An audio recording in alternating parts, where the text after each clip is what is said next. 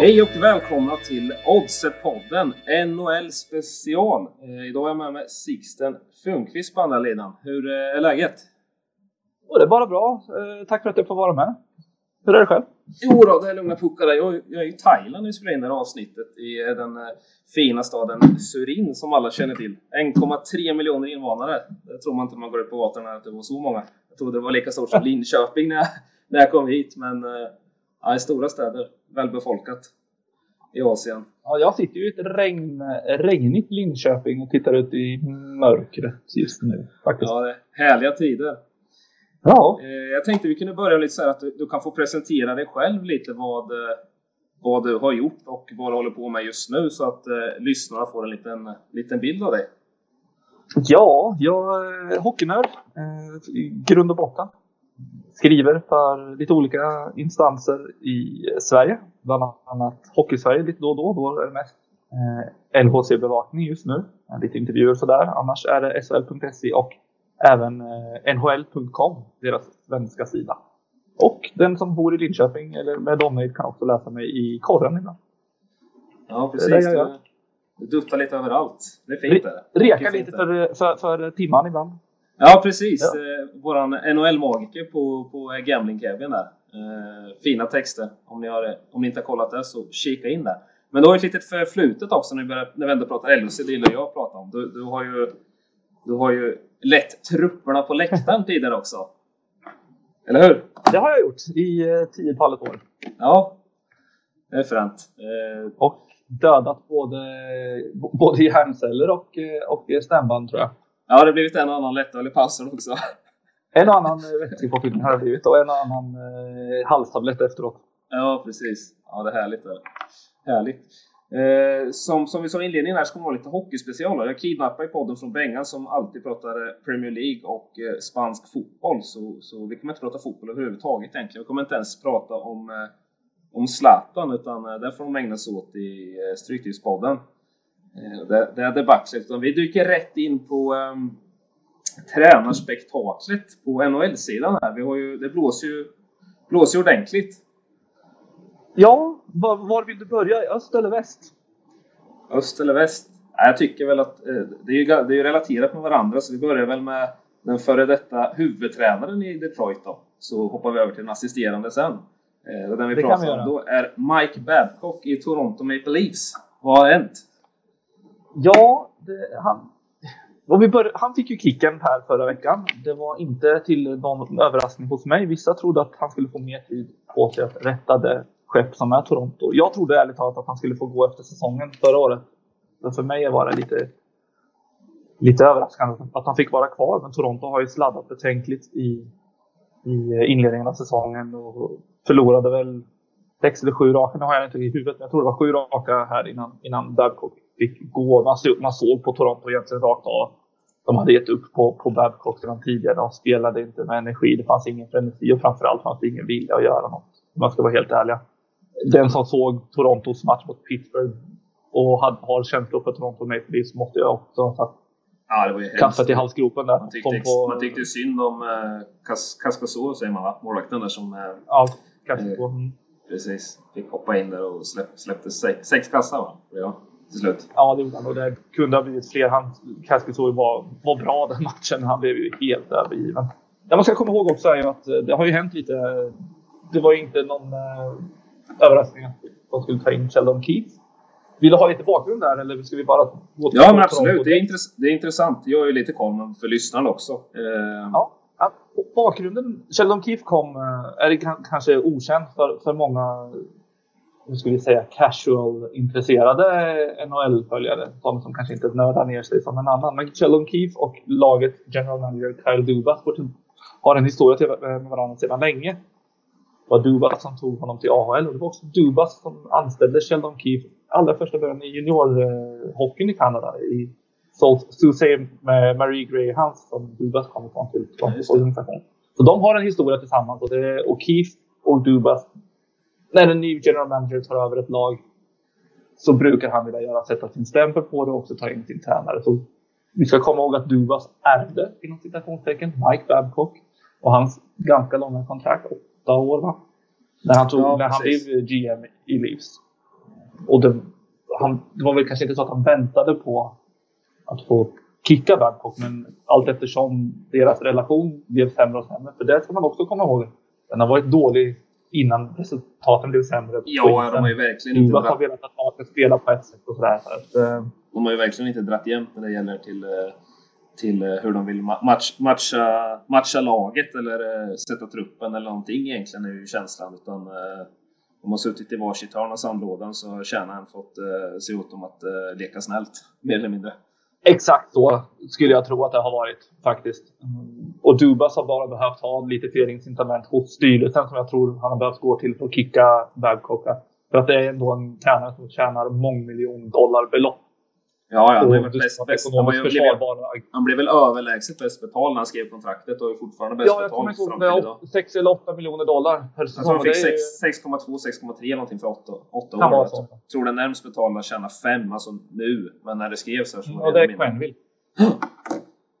Precis. Eh, Så att det, det, nej, det, det har bara varit en, en, en väntan på att bli av med honom. Men det roliga då det är ju att Sheldon Keefe faktiskt har släppt loss eh, Toronto lite. Om, om man sett Toronto både mot Arizona och inte minst mot, mot Colorado så är det ett helt annat lag. Det är ju fart, det är flär, det är teknik och det är en offensiv. Nu ska vi komma in på ett speltips direkt här nämligen. Härligt, Det- härligt. Det är det enda jag har idag Timman, jag är ledsen. Men, men det, det, det finns en spelare som har, jag egentligen bara har väntat på ska explodera i, i Toronto. Det är Tyson Barry, backen. Ja. Och det gjorde han under Sheldon Keefe. Han har gått in och spelat powerplay, han har fått styra powerplay, han har fått hänga med upp i anfallen. Och man såg framförallt mot Arizona, nu ska jag inte svära, men nu hmm, hmm, ska han göra mål. Alla serverade honom pucken och mycket riktigt. Den kom där och den kom igen. Tyson Barry är i form och Svenska Spel ger fem gånger degen på att han ska näta i natt mot ett ganska svagt Detroit. Ja, det var Det gillar jag. fint ändå. Riktigt fint. Ja, men det är kul att se jag. också att de spelar den, den hockeyn de är Mentu spelar, ska man säga. Det, det har ju sett Ja, fruktansvärt, det har varit fruktansvärt kul att kolla på de sista säsongerna, men det har liksom sakta men säkert blivit mer tråkigt, mer destruktivt. Liksom, ja, man- Statiskt. Ja, precis. Eh, Så det ska bli väldigt kul att se om de kan fortsätta på det här sättet. Det är klart det kommer kanske öppna upp lite bakåt och, och man, man på något eh, vid någon tid den här säsongen så måste man göra vissa justeringar när man möter bättre lag. Om man eh, kanske kraschar med, med Boston till exempel i ett eventuellt slutspel sen. För de, eh, de springer väl iväg med, med titeln i, eh, eh, i den, eh, den konferensen. Ja. Boston ser löjligt stark ut. Men nu ska vi, bara för att slå, slå knut på Sheldon Keefe här, eller inte på honom, men på hela Ja. den historien. Det är ju att Sheldon Keefe och Kyle Dubas delar hockeymentalitet. Det är ju den här truppen Dubas har byggt för att spela den här hockeyn som Sheldon Keefe. Så det är ju en match made in heaven. Ja, och det är Eh, nu viktigt. betalar inte Toronto svinbra mot Detroit i natt. Men, men, eh, Nej, jag ser det. Så är det ändå 66 raka. Så det, det är väl det jag drömmer också. Men eh, det, är- det är ju sjukt viktigt att alla drar ett sammanhållande från topp topp till botten. Liksom, så att det, det är liksom en, en röd tråd. Eller vad ska man säga? absolut. Det tror jag de har i Toronto nu. Jag är inte särskilt orolig framöver. De måste spela med en jäkla poängsnitt för att nå slutspel nu, men det, jag tror de löser det. Jag tror Toronto går till slutspel. Ja, jo, men det är ju känslan. Och nu, nu eh, Mon- Montreal har ju sprungit iväg lite grann, men de fick ju storstryk av Boston i natt och det var ju, eh, Ja. det var ju bra för, eh, för Toronto. För hade, hade de Ja. vunnit här i natt och då hade det varit ett, ett 3-4 poängskap här istället för bara en poängskap. Så, eh, ja, det är tajt där. Det är många, många bra lag. Ja, men det är många bra lag så är det är, liksom, de har ju Ta- Tampa, Philadelphia, Pittsburgh, Montreal, Florida, alla möjliga olika lag emellan så här så det är klart det kommer bli ett tight race om man inte råd att hamna i en sån losing streak som man hade där när man torskade sex raka matcher. Men, eh, nej, positiva vibbar i Toronto helt enkelt.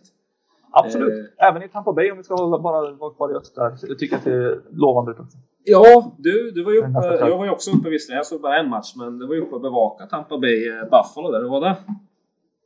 Det var trevligt. Det är alltid trevligt när NHL reser ut och kommer till oss snarare att vi behöver åka till dem. Eh, Jag tyckte det var roliga matcher båda två. Eh, Lördagens match, ni som var på den, fick det roligare av de två. Mm. Det hände lite mer. Det såg lite mer avslappnat ut på isen. Ja, precis. Det var också väldigt viktigt för Tampa Bay att ta de fyra poäng. Ja, och eh, det var, var inte starten, men det var ju fjärde eller femte raka Buffalo torska där, så det, ja, det går tungt nu. Det är mitt kära Buffalo. Aj, aj, aj. Du, ja, jag skulle säga det. Det kan, måste göra ont i, i själen. Det började ju så jävla bra. Man fattade att de skulle komma ner på jorden med tanke på att eh, all, alla nummer var ju superdopade av ett bra powerplay och, och eh, hög räddningsprocent. Men eh, man hade hoppats att, skulle, att de skulle kunna hålla stången lite längre. Eh, men, men jag tror att de kan, kan vända lite på det, men det ser ju tveksamt ut. Ja, får hoppas det. De har ju en liten nyckelmatch här i natt eh, mot det här laget vi ska hoppa vidare till här eh, i natt. Eh, Calgary Flames. Och Kolla där, Bill, en naturlig brygga. Bill Peters. Ja, Nästa man till rakning. Ju, ja, till galgen nästan va? Det ja, känns... Eh, ja, han har, gjort, han har gjort allt man inte ska göra här i världen. Lite så. Det, gör ont i själen att prata om det när man... Lite så. Jag är väldigt... Jag, jag tycker det är för jävligt rent sagt att de går den här typen av penalism som folk i många eh, säger, framförallt de äldre, att det är old school hockey. Nej, det är inte old school hockey. Det är översitteri och det är ren rasism. Det, för att ta en snabb resumé. Akim Aliou, eh, som jag känner honom kanske från AIK, gick ut på Twitter och sa att eh, Bill Peters har ja, eh, använde rasistiska tillmälen mot honom i omklädningsrummet under hans tid i AHL. Eh, det är nästan tio år sedan nu. Jag kommer inte ihåg säsongen. Och han fick ju stöd sen från med reservation för uttalet med Mikhail Jordan, en tjeck, som sa att han faktiskt blev slagen av Bill Peters under en match på bänken. Så att det, mm, har du någon koll på det som, som, som gör att det här bubblar upp nu? Eller är det bara helt random? Eller har det hänt någonting ja. sista tiden liksom, som har väckt eh, debatten? Alltså om, om man har gjort någonting Jag tror att allt började med Babcock faktiskt. Eh, för att där kom det en... Eh, det var Mitch Marner som gick ut och sa att han hade blivit tvingad att lista av Babcock att lista 20 spelare som var från bäst till sämst arbetsinsats på isen. När han var rookie 2016, 17. Ja. Och i tron att detta var en anonym grej så gjorde han ju det. Han var ju rookie. Sen läste ju Babcock upp listan i omklädningsrummet och sa också att det var Mark som hade sagt det. Ja, det så det är ju inte så jävla snyggt på svenska. Så det, det, jag, jag tror att det inte är slut här. Jag har inga belägg för det. Det känns som att det bara håller på att börja. För vi ser, det finns en liten, en liten eh, det är någon förändring som pågår. Man såg Bill nu, Don Cherry heter han. Ja. Vill jag på säga. Han, han, har inte fått kicken hoppas jag. Men, men eh, Don Cherry i varje fall, han fick ju gå här efter det. Minst sagt klumpigt uttalande på Hockey Night in Canada för är det två veckor sedan, tre veckor sedan. Ja, och sen har det bara fortsatt. Det kommer nog hända mer. Jag tror att old school hockey, jag hoppas det, försvinner för gott. Spelare ska inte mobbas eller det ska inte vara penalism. Den nya generationen svarar absolut inte upp på det. Jag tror att den nya generationen, från och nu, kommer att säga ifrån. Ja, det är känslan. Jag tror det är därför att Calgary har tappat väldigt mycket i form. Att de har också gett upp på sin tränare. Systemet håller inte. Nej, precis. Precis. Eh, nu ska vi se. Flames senaste 10 är alltså...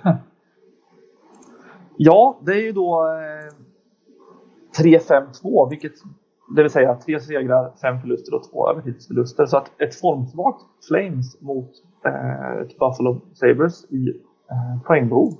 Fördel Sabres? Frågetecken. Ja.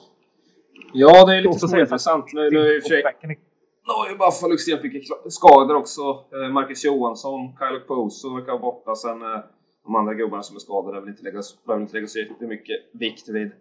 Rodriguez, Thompson och Matt Hunwick. Det, det är ju spelare som är lite mer lättersättliga.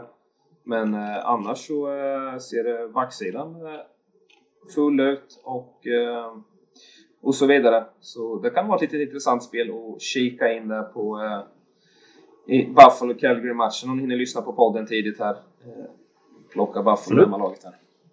Eh, sen kanske jag kan få en liten uppsving å andra sidan om nu inte Bill Peters är med i båset i, i natt, vilket det står på NHL.com att han inte ska vara. Så kanske blir någon Absolut. form av Absolut, det har du helt rätt i. Att det blir lite relief.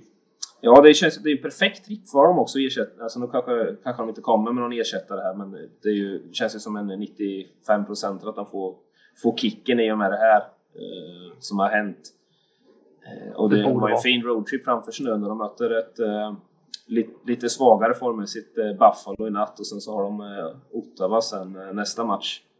Så det är läge nu att eh, hitta en liten rush kanske för att eh, ta sig in i racet genom slutspelsplatserna. Absolut. Ottawa kan vi nämna lite snabbt tycker jag. De tycker jag ser väldigt roliga ut. Nu möter de ju Boston i natt och det kanske är tack och, tack och god natt för dem just nu. Men Ottawa spelar jätterolig hockey den här säsongen. Har ni, miss, har ni inte kollat Senators så gör det. För det ja, det är imponerande. Man trodde verkligen att de skulle bli körda totalt i botten. Liksom. Där har vi den här tränar, också tränarpåverkan. Spelarna vill spela för DJ Smith som kom från Toronto för övrigt eh, inför säsongen.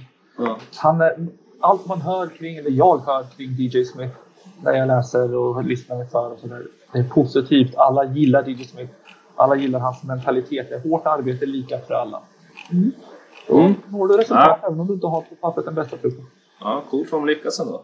Istället har Detroit blivit det riktiga, riktiga, riktiga, riktiga sänket. De har minus 39 i målskillnad för 26 matcher. Äh, de började ändå rätt fint första omgångarna, om jag inte missminner mig. Ja, det gjorde de. Men de har ju också skickat ner, de har ju skickat ner hela sin framtid till, framtid till AHL för att de vet att den här säsongen egentligen är bara att lägga till böckerna. Nästa år kan vi se Detroit som ett mycket roligare lag, det tror jag. Mm. Verkligen, verkligen. Eh, och på tal om roliga lag, lag som... Eh, nu, nu eh, har inte de skickat ner spelare, men de har saknat många spelare. Colorado Avalanche. Där har du en, eh, ja. kanske en av dina favoritspelare den här säsongen. Ja, Kill McCarr. Eh, jag tycker loppet om att vinna årets rookie om man fortsätter så här, det är ju avgjort det sedan länge. Kill McCarr, den oerhört intressanta backen. Jag tror han är 21 nu. Jag ska inte ta gift på det, men ibland är det som att han kan passa sig själv. Han är överallt och ingenstans där han inte behöver vara. Han är överallt där han ska vara och ingenstans där han inte ska vara. Han är rätt i positionerna. Hans sidledsförflyttningar. Nu ska jag bara äh, ta lite från Ryan Whitney, den eminenta podden Spitten Skiktet. Han ja. tycks bli snabbare ju mer han åker i sidled. När han skjuter ifrån. Det är som att han ökar i farten ju mer han åker i sidled. Det är helt otroligt hur bra den här killen är. Och han är bara... Han är, alltså, jag såg honom som hastigast för något år sedan. Och det är live. Det, är, det finns så mycket i den killen. Han är absolut en anledning till att Tyson Barry inte är kvar i Colorado just nu. Ja. Kill McCarr när han får ett nytt kontrakt. Vi pratar 8, 9, kanske 10 miljoner dollar direkt från rookie-dealen. Och det är väl investerade pengar. Det här är, man kan bli hur bra som helst. Jag vet att man tar i och säger det om många, men den här killen kan bli hur bra som helst. Ja, det ju bra. Årets rookie. Ja, det måste det. Ja, det måste, det måste Då är det Norris. Alltså, ja, ja, alltså han skulle kunna gå på halvfart resten av tiden och ändå vinna årets rookie känns det som. Det finns ju liksom inget ja, ja.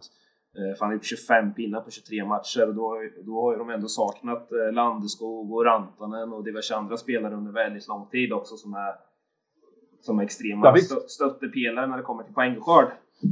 Och jag är så här, han går ju in och bär laget, precis som du säger nu när de saknar egentligen de som ska bära laget. Så tar han hela rollen och bär ett stort lag som Colorado Avalanche.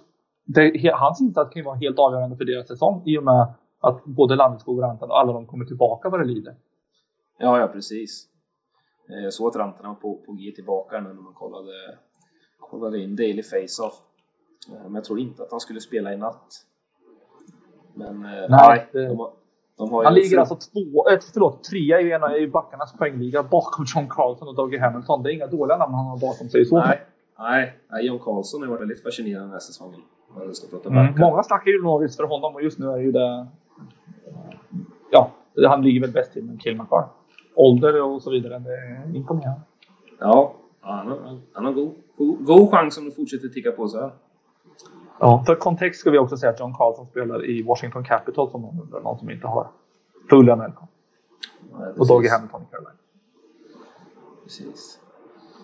De möter alltså... Annars måste jag säga, ska vi prata lite målvakter? Det är ju min favorit annars. Ja, um, absolut. Jag gillar, jag gillar, att prata målvakter och jag gillar Anton Kudobin i Dallas Stars. nu torskar ju de här i natt. Anton Kudobin är lite veckovild. I natt bara. Eh, ja, precis. De torskade med 3 Chicago. mot Chicago. Där Corey Crawford fick eh, rädda 32 puckar. Just det. Hans största nolla för säsongen och Chicagos största nolla för säsongen. Nu är vi lite matchreferat här, men jag måste bara nämna Anton Kudobins senaste matcher för att det är fantastiskt. När, innan, innan, eh, Dallas gick på sin poängsvit som det så fint heter, 11 segrar och en övertidsförlust, så hade man de fyra matcherna innan var tre segrar och en förlust. Och på de totalt det är då 17 matcher inklusive nattens match bara alltså Anton, Anton Kudovi en GAA på 1,73. Jävlar. Vilket är otroligt. Nu har han inte stått alla. Han har stått, jag tror han, stod, han har stått majoriteten, tror jag. Men fortfarande, 1,73 det är, och en räddningsprocent på 94,7. Det är oerhört bra. Och Ben Bishop som är hans tandemmålvakt, de snackar ju om att de inte har en ut en första keeper riktigt istället. Det är Ben Bishop som också har varit fantastisk. Han har också höjt den, ligger över 93 räddningsprocenten. Mm. Det är coolt. Och på tal om Chicago där så har ju Robin Lehner också varit fruktansvärt bra den här säsongen. Och eh, verkligen svarat upp på eh, tvivlarna som sa att eh, mycket byggde på att eh, Islanders hade ett bra defensivt system eh, eh förra året.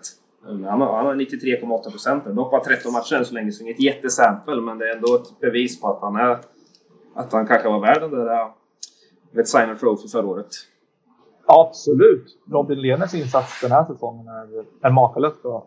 Sen ska man inte underskatta hela Chicagos insats. Jag tycker de gör, gör, spelar lite över förväntan till och med. Så att, eh, Lehner, eh, jag skulle inte bli förvånad om de förlänger med Robin Lehner efter säsongen och släpper Corey Crawford. Faktiskt. Mm. Jag, tror att, jag tror att båda kontrakter ut. Väldigt lurigt lag det där Chicago. Vart de, det, jag tror inte de själva har någon aning om vart de är på väg överhuvudtaget. Nej, det är lite känna efter nu tror jag. Hitta en väg framåt. Ja, känslan är att de kommer känna efter lika länge som Detroit gjorde innan de valde att riva, riva bygget.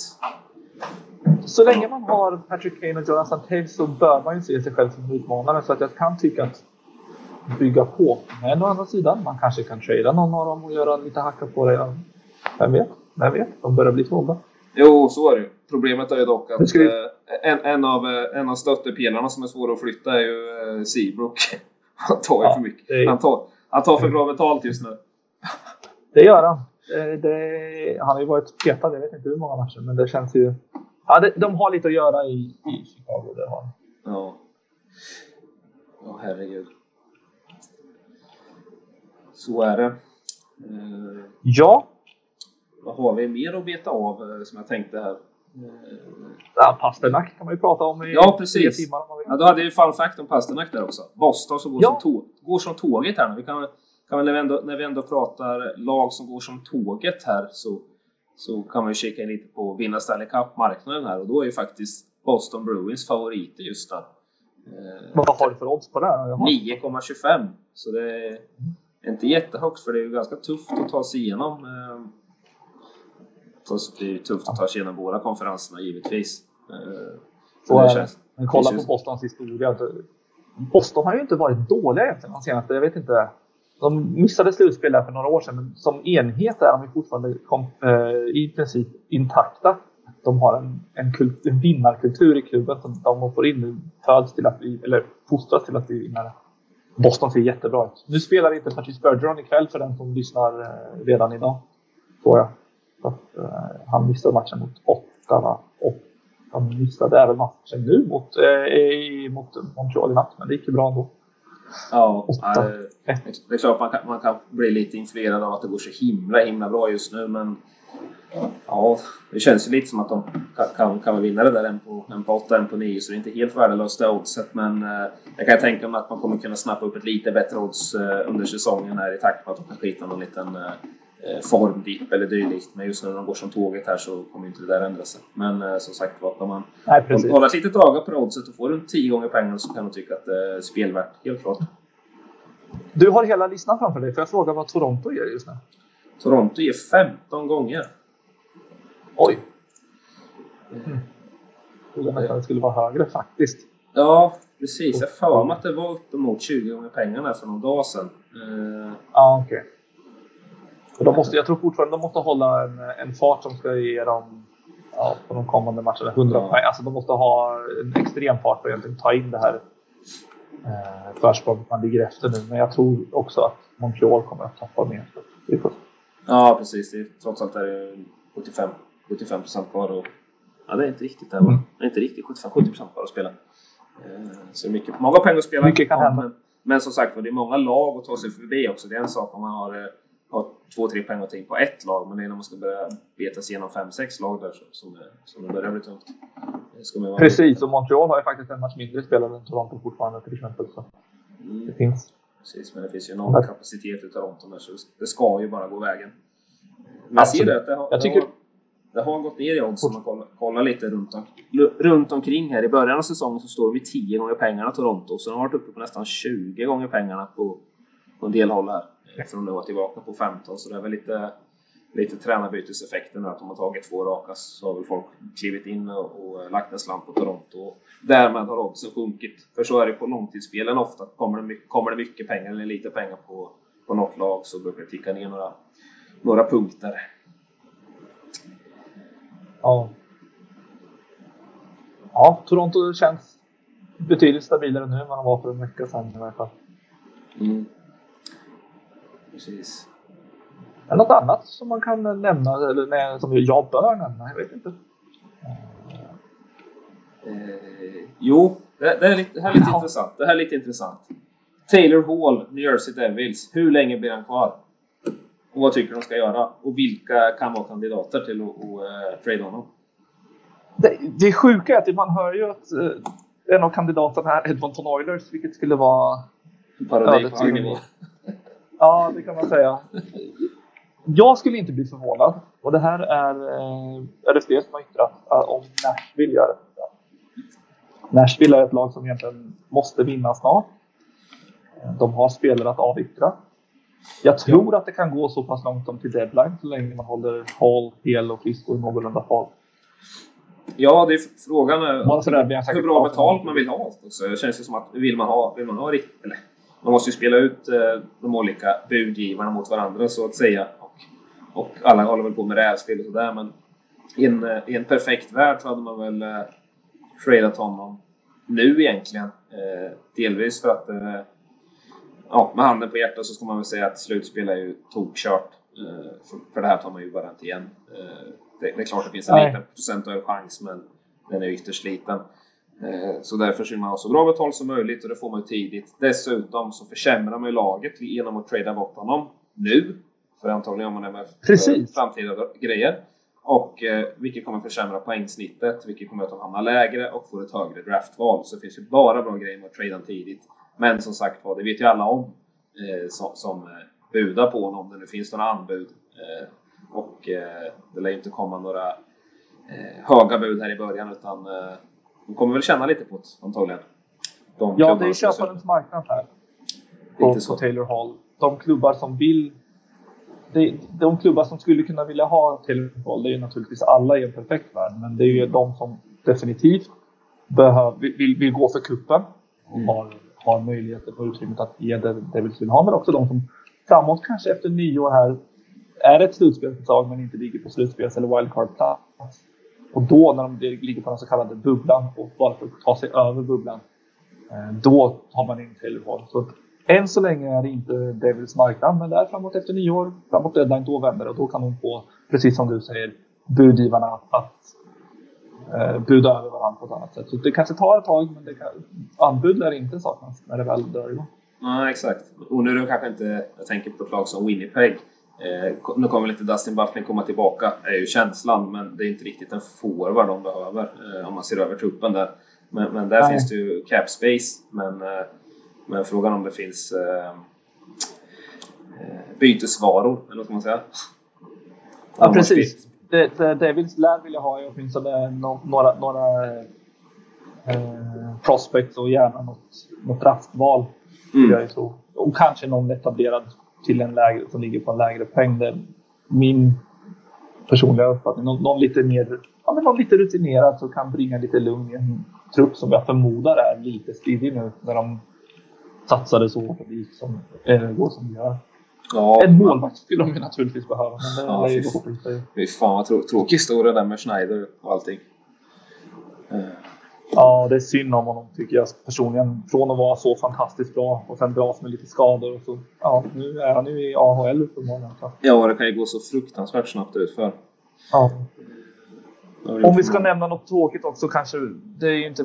Det är mycket skit som pågår, men, men det är ju Bobby Ryan är ju ute utanför eh, ligan just nu på grund av personliga skäl. Och ja, ni det. som inte har gjort det bör googla Bobby Ryan, Days Tribune och läsa lite och så förstår ni varför hela NHL-världen önskar honom bara det bästa.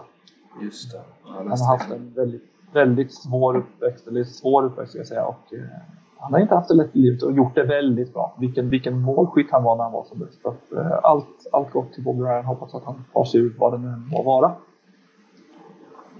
Ja, verkligen. verkligen.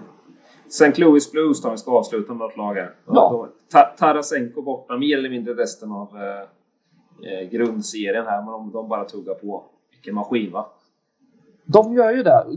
Craig Berube har fått in någonting. Jag vet inte riktigt var han står i coachingskalan, men spelarna verkar ju åtminstone svara upp på det än så länge. Är han en motiva motiverare, eller vad heter motivator, då spelar de bra för honom länge. Är han en uh, Babcock Bill Peters typ, då kommer de vara bra kanske den här säsongen, början på nästa, sen kommer de börja dala igen. Men just nu ser St. Louis riktigt bra ut. Uh, jag menar inte att dra ner det här till något negativt igen, men vi måste kanske lämna Robert Portusos även fall på Viktor Arvidsson och det är naturligtvis helt åt helvete. Ja, hade, ja, jag hade glömt bort de grejerna helt och hållet. Det har ju hänt så jävla mycket grejer för att, för att svära lite här i, i podden, men eh, sista tiden. Eh, och den, ja. den där kan man ju verkligen, verkligen highlighta så att du också delar den på Twitter och det är ju det blir ju inte fulare sådär, man överfaller alltså någon. Om ni inte har kollat det, sök på eh, Robert Bertuso. Eh, så överfaller. Ja, och det är inte första gången han gör det. Han crosscheckar alltså Viktor Arvidsson två gånger i ryggen. En gång när Arvidsson uppenbarligen redan är satt ur spel. Vilket är, ja, det är åt helvete att han bara får fyra matcher faktiskt. Nu svär jag, men det, det, är så fruktansvärt så det är äckligt alltså. Ja, precis. Man, man får, får svära, speciellt när man gör det mot en, en svensk landsman här. Då, då får man vara lite extra hård. Nej, men det är ju extremt fult. Ja. Alltså man crosscheckar någon som ligger ner i ryggslutet. Det kan ju sluta så illa så att det kan ju liksom avsluta en karriär. Ja. Man, man, fick, man bara rör sig när man såg, såg den smällen. Eh, sen så, jag vet inte, han eh, skulle nästa smäll på Rasmus Dahlin där, eh, som inte ens blev en två minuter. Ja. Nej, den, den är också lite... Det är Erik Cernak. Eh, han blev avstängd två matcher. Han blev det? Eh, som, ja, som kommer upp högt med handskar och klubba. Jag vet inte riktigt vad det är som träffar, men han träffar i huvudet och Dahlin eh, får hjärnskakning. Dahlin kommer in i zon från vänsterkanten, viker in i hög fart. Jag har svårt att se om han tittar bort eller inte, men det spelar ingen roll. Han ska klubba ska inte vara där. släpper pucken lite åt sidan av blicken åt sidan så att den kommer lite... Ja. Ja precis, det är fult. Det, det är oförsvarbart det också naturligtvis. Ja, men det tycker, jag, det tycker jag är sjukt om man jäm, jämför eh, eh, liksom det, den eh, grejen som Bertuso gör där. Det är ju verkligen för att skada liksom. Det, situationer för förbispelade, avblåst allting och åker tillbaka och ger en, ger en crosschecking till. Liksom. Här är ju ändå i in the heat ja, det, är, ja, det är fult där. Och man får ändå bara två matcher ja, det är, för absolut. den Så äh, ja, de har lite att se över där. Det är inte bara SHL som, som, Nej, det, som det är frågetecken äh, fram och tillbaka på domarnivån och olika granskningar. Och, och, och för att dra en äh, parallell till fotbollsvärlden, alla VAR-granskningar till höger och vänster. Utan det, det är tufft att vara domare. Ja, VAR-stormen framstår ju som en eh, storm i ett vattenglas när man tittar på vad som händer just nu på, på, på is, om man säger så. ja, herregud. Det är hett överallt. Heta potatisar. Ja. Så är det. Så är det. Får jag, får jag, eh. jag ska snicka in ett, ett, ett spel, en, en spelarspecial till bara för att slå en knut på spelet också. Håll ett litet öga på Arizona Coyotes forward Connor Garland. Um, hans, hans odds eh, fluktuerar väldigt hårt från match till match på att göra mål i matchen. Men han är en sneaky god målskytt. Han gjorde 13 mål på 47 matcher förra året och har redan gjort över 10 i år. Ibland får man honom till över fyra gånger smeten, så håll ett öga för han, eh, han klipper till ungefär varannan var tredje match. Ja. Snyggt. Snyggt, snyggt, snyggt. Eh, nu ska vi se här. Eh, då, då nöjer vi oss lite med NHL här så kan vi avsluta några minuter med SHL här. Eh, podden kommer ju komma ut här på eh, onsdagskvällen förhoppningsvis om eh, Dahl gör ett bra jobb här. Eh, så hinner vi få med lite torsdagshockey här. Eh, och jag har väl egentligen två spel som jag ögat lite grann faktiskt. Eh, och jag brukar ju reka Linköping, det har gått ganska bra. Och eh, jag har ju rekat emot Linköping de flesta gångerna här, tråkigt nog. Eh, Förutom mot eh, Djurgården hemma där. Så jag, tror nästan att det är 100% igen. Så jag sätter min 100%ighet här at risk så att säga. eh, genom att spela Linköping borta mot Brynäs till det smarriga oddset 3,42 gånger pengarna. Här. Eh, Brynäs har ju gjort några bra matcher på, på sista tiden, men likaså Linköping som kanske haft tuffaste möjliga motståndare i både Frölunda och Frölunda hemma och Örebro borta. Jag tyckte ändå de gjorde en ganska skaplig match mot eh, både Frölunda och Örebro. Jag vet inte, du såg matchen antar jag? Eh, jag såg Frölunda, sen jobbade jag på andra matcher när de hade Örebro. Eh, jag ja. tycker att Frölunda, Frölunda-matchen gjorde de i princip fläckfritt. Och när de väl fick fläckar, det var då de släppte in målen. ja, precis. Det är ingen dålig rek det där tycker jag. Nej, jag menar jag blev chockad så 3.42 ändå.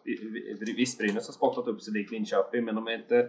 Även, även om de är ett lite bättre hockeylag så är de inte så mycket bättre hockeylag att Linköping ska stå i 3.42. Och det står sig faktiskt ganska bra också oddsmässigt jämfört med eh, andra sidor runt omkring det, eh, med toppskiktet där. Så 3.42 är ett eh, fint odds. Eh, håller tummarna för tre poäng också, lite med hjärtat. Det gör vi absolut. Ja, exakt. Eh, sen har vi Färjestad-Skellefteå. Detta Färjestad som är mer eller mindre nästan autospel på, på över 5,5 eh, när de lirar. Eh, extremt målglada både framåt och bakåt. Eh, möter Skellefteå som har fått igång, eh, fått igång målskyttet. och spelat en del riktigt målrika matcher där. Och eh, jag tror bara att det blir en överbomb här eh, och kommer spela över 5,5 mål till 1,84. Det är mina två SHL-spel. Eh, förutom det så har vi ju eh, denna vecka också eh, extra pengar på eh, SHL-bomben här. Eh, torsdagsspecial som, som Svenska Spel har kört några veckor idag. Den har varit lite av en succé. Det har blivit extremt mycket spel på, eh, på bomben sedan de införde det. Det är kul att de hade lite extra pengar och det är alltså matchen Luleå-Örebro, Rögle-Malmö och Växjö-HV där. Eh, som är med på, på eh, denna veckas kupong. Och eh, kikar man lite där så, eh, så finns det en del intressanta streck eh, som man skulle kunna ta med sig av. av eh, just nu så står HV ganska högt sträckat på att det, att det drar iväg mot eh, Växjö borta där. Skulle kunna vara intressant om vi går för hela potten. Eh, bara vid för, första Eh, glimt här. Eh, nu är det inte så mycket pengar i omsättningen så streckprocenten kommer inte ändra så mycket. Men det är ett litet tips till torsdagskvällen om ni är lite spelsugna på SHL och ändå ska kika. Trevligt. Eh, ja, Får du då... följa någon hockey när du sitter i Thailand? Ja, det är sämre. Eller kan du följa någon hockey? Nej, det, det är så dåligt internet här så eh, det är knappt. Jag var rädd att det inte skulle gå att spela in här med med Skype och allting så jag fick eh, testa lite på, på förmiddagen här men eh, jag var rädd att Lina skulle lägga ner. Men ja, det, har funkat skapligt hittills. Ja. Så, så, så jag får följa, följa på appen bara, plingen. Den gamla klassiska plingen. Eh, vi gör så här, vi kan samma, sammanfatta då. Lite eh, intressanta spel för eh, natten om ni hinner knipa dem. Eh, Tyson Barry kan knipa till Fem gånger pengarna som målskytt här mot Detroit klockan ett i natt, om ni hinner det. Riktigt smarrigt spel där. Toronto har öppnat upp offensiven igen. Baren öppen så att säga. Arizona håller ett öga på Garland som har en riktig näsa för mål här. Eh, man brukar kunna få upp mot eh, tre, fyra gånger pengarna eh, som målskytt. Det kan ju slå ett öga lite snabbt. Här, eh, man har i natt. Han står i tre gånger pengarna eh, mot Anaheim. Eh, där kan man ju ha ett litet öga också vem de, eh, vem de startar i mål. Eh, kan också vara intressant där. Jag ska kolla där lite snabbt. Jag tror att det kan vara klart faktiskt. Om du ger mig en sekund så snacka på det så ska jag ta, ja, ta fram Precis, jag är också inne på den sidan. Unconfirmed i alla fall. Ah, Okej. Okay. Fortfarande här. Ja just det, det var faktiskt en grej som jag tänkte att vi skulle... Vi, vi avslutar summeringen av spelen i alla fall. Eh, Lin, Linköping eh, borta mot eh, Brynäs är torsdagens omgång 19.00 till 3.42 och eh, Färjestad-Skellefteå över 5,5 mål till 1.84.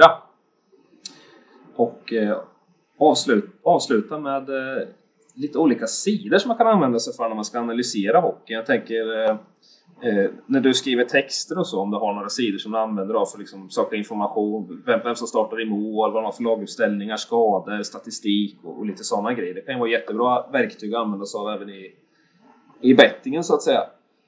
Absolut, absolut. Eh, för statistik använder jag nästan bara nr.com. Många tycker att den är, är eh, lite knepig, men när man lär sig verktyget på den statistiksidan så är den riktigt bra för att ta fram detaljerad information om såväl spelare som lag och historik mellan lagen och så vidare.